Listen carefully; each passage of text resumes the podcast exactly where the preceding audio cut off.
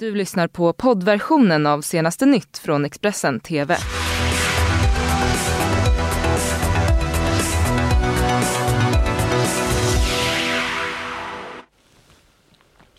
God morgon, välkomna hit till senaste nytt. Det är lördag och jag heter Ylva Johansson. Det här är våra rubriker.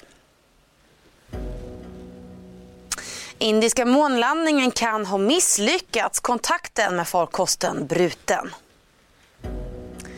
Kvinnlig toppjurist tros ha beställt attacken mot den skjutna advokaten i Stockholm. Och hon är hetaste namnet att ta över efter Margot Wallström. Ja, men vi ska alltså börja med den indiska månlandningen. Kontakten med den indiska månlandaren Chandrayaan 2 har nämligen brutits. Kontakten bröts cirka två kilometer från månens yta. Det skriver nyhetsbyrån AFP. Och eh, det är ännu oklart exakt vad det är som har hänt men mycket tyder på att farkosten kan ha kraschat. Och eh, en lyckad landning skulle ju ha inneburit att Indien blev det fjärde landet i världen att placera en farkost på månen och det första att landa på månens sydpol. Så till Sverige. Igår så sköts en känd advokat mitt i centrala Stockholm med flera skott. En kvinna som också hon varit högt uppsatt jurist och tidigare dömts för brott har nu anhållits misstänkt för anstiftan till mordförsök. Enligt misstankarna så kan hon ha lejt en torped för att mörda advokaten. Och den här skjutningen den inträffade på Norr på Kungsholmen mitt i centrala Stockholm igår och flera förbipasserande blev vittnen vittnen till händelsen. Alltså jag såg den här mannen liggande på marken, skadad eh, på huvudet, blödande. Och eh, ja, så fick jag strax efter eh, veta att han hade inte han fallit, att blev han skjuten.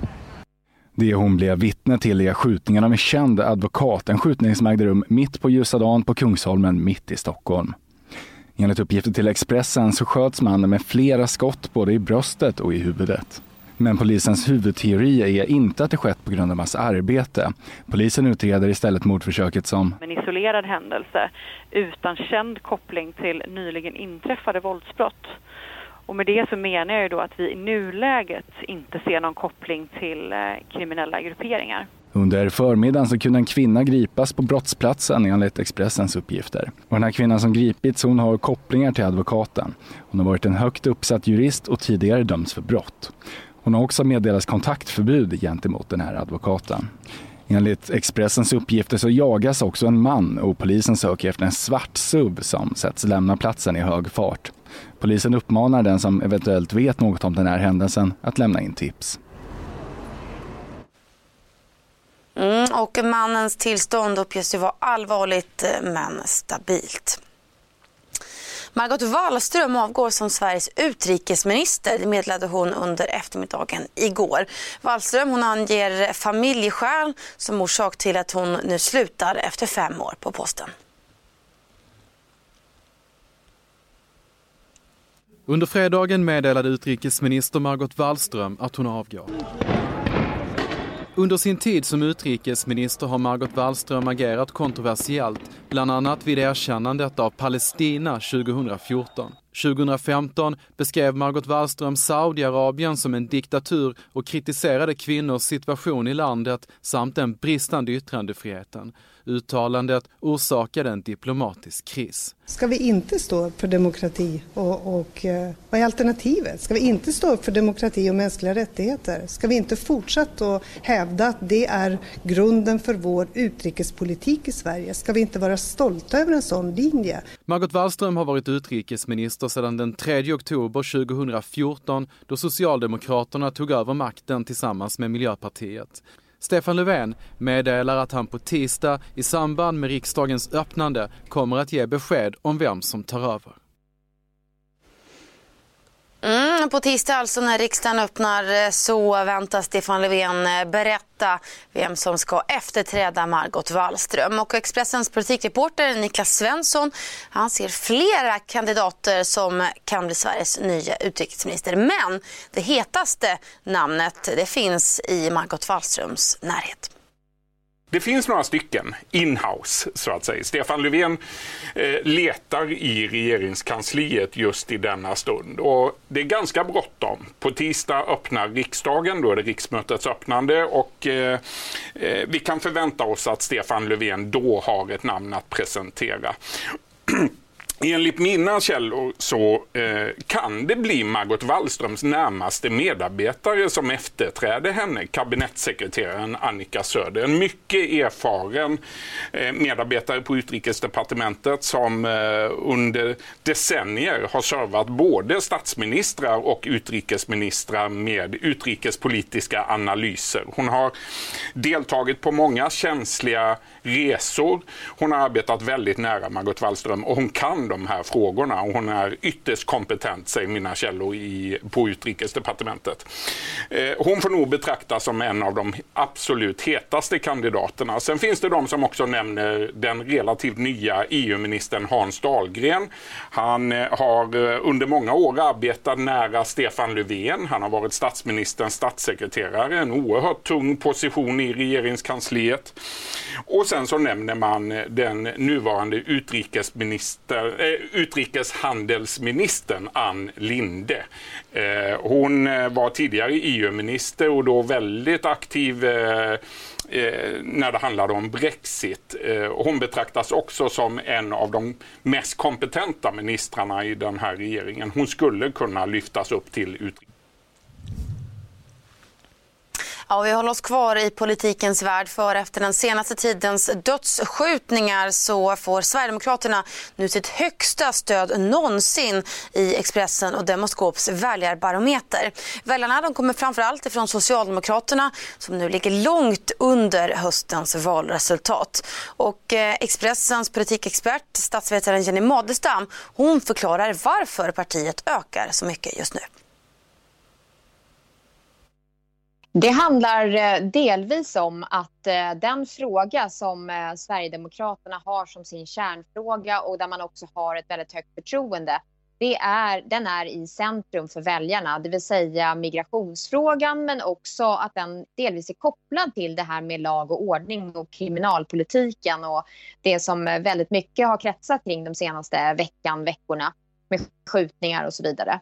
Eh, så det är huvudförklaringen och det har ju egentligen pågått under ganska lång tid. Men eh, att man nu ökar än mer eh, kan säkert också hänga ihop med att partiet eh, har legitimerats också mer än vad man har gjort tidigare av inte minst Kristdemokraterna. Det såg vi redan förra hösten i och med regeringsbildningsprocessen. Det kulminerade med en lunch också i somras mellan Ebba Busch Thor och Jimmie Åkesson. Men nu hör vi också hur Moderaterna eh, till exempel vill att Sverigedemokraterna ska vara med i de här uh, samtalen om gängbrotten. Eh, eh, och det är också någonting som kan spä på just den här bilden av att Sverigedemokraterna är inget konstigt parti, utan det är ett parti som har en tydlig politik i de här frågorna som nu är i centrum och eh, som de andra partierna inte längre ser som lika märkligt helt enkelt. Och I veckan så har ju också samtliga riksdagspartier förutom Sverigedemokraterna samlats för att försöka komma överens om hur man ska agera för att få stopp på skjutningarna. Och eh, kriminalkommissarie Fredrik Gårdare som också leder insatser mot kriminella gäng och organiserad brottslighet i Stockholm. Han menar att vi måste jobba från två håll för att få stopp på gängvåldet. Det krävs både en kraftfull polisinsats men det gäller också att se till att unga har goda sociala möjligheter att undvika att hamna i kriminalitet kriminella miljöer. Polisen måste vara jätteduktiga på att gå in och agera mot de gäng som just nu är livsfarliga och som då skjuter och spränger. Sen måste vi ha en ännu större insats på det förebyggande. För att få stopp på gängvåldet i Sverige behövs kraftfulla, snabba insatser från polisens sida. Det säger kriminalkommissarie Fredrik Gårdare som leder insatser mot gäng och organiserad brottslighet. Men lika viktigt är social trygghet för barn och unga för att få dem att inte dras in i den kriminella miljön. Det är enda sättet att få stopp på det våld som just nu drabbar Sverige.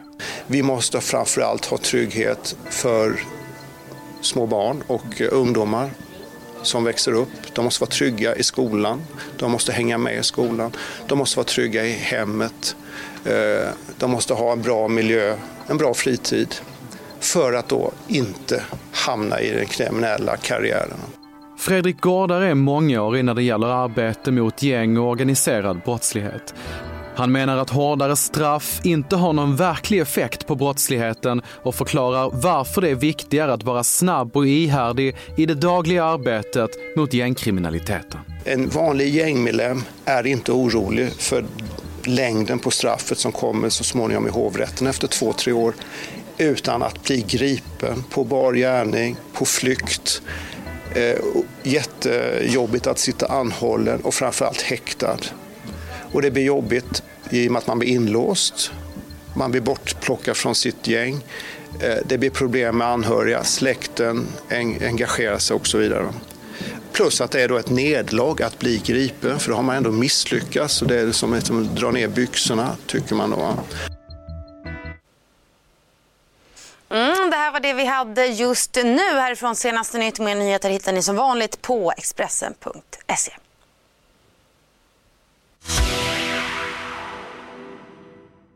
Du har lyssnat på poddversionen av senaste nytt från Expressen TV.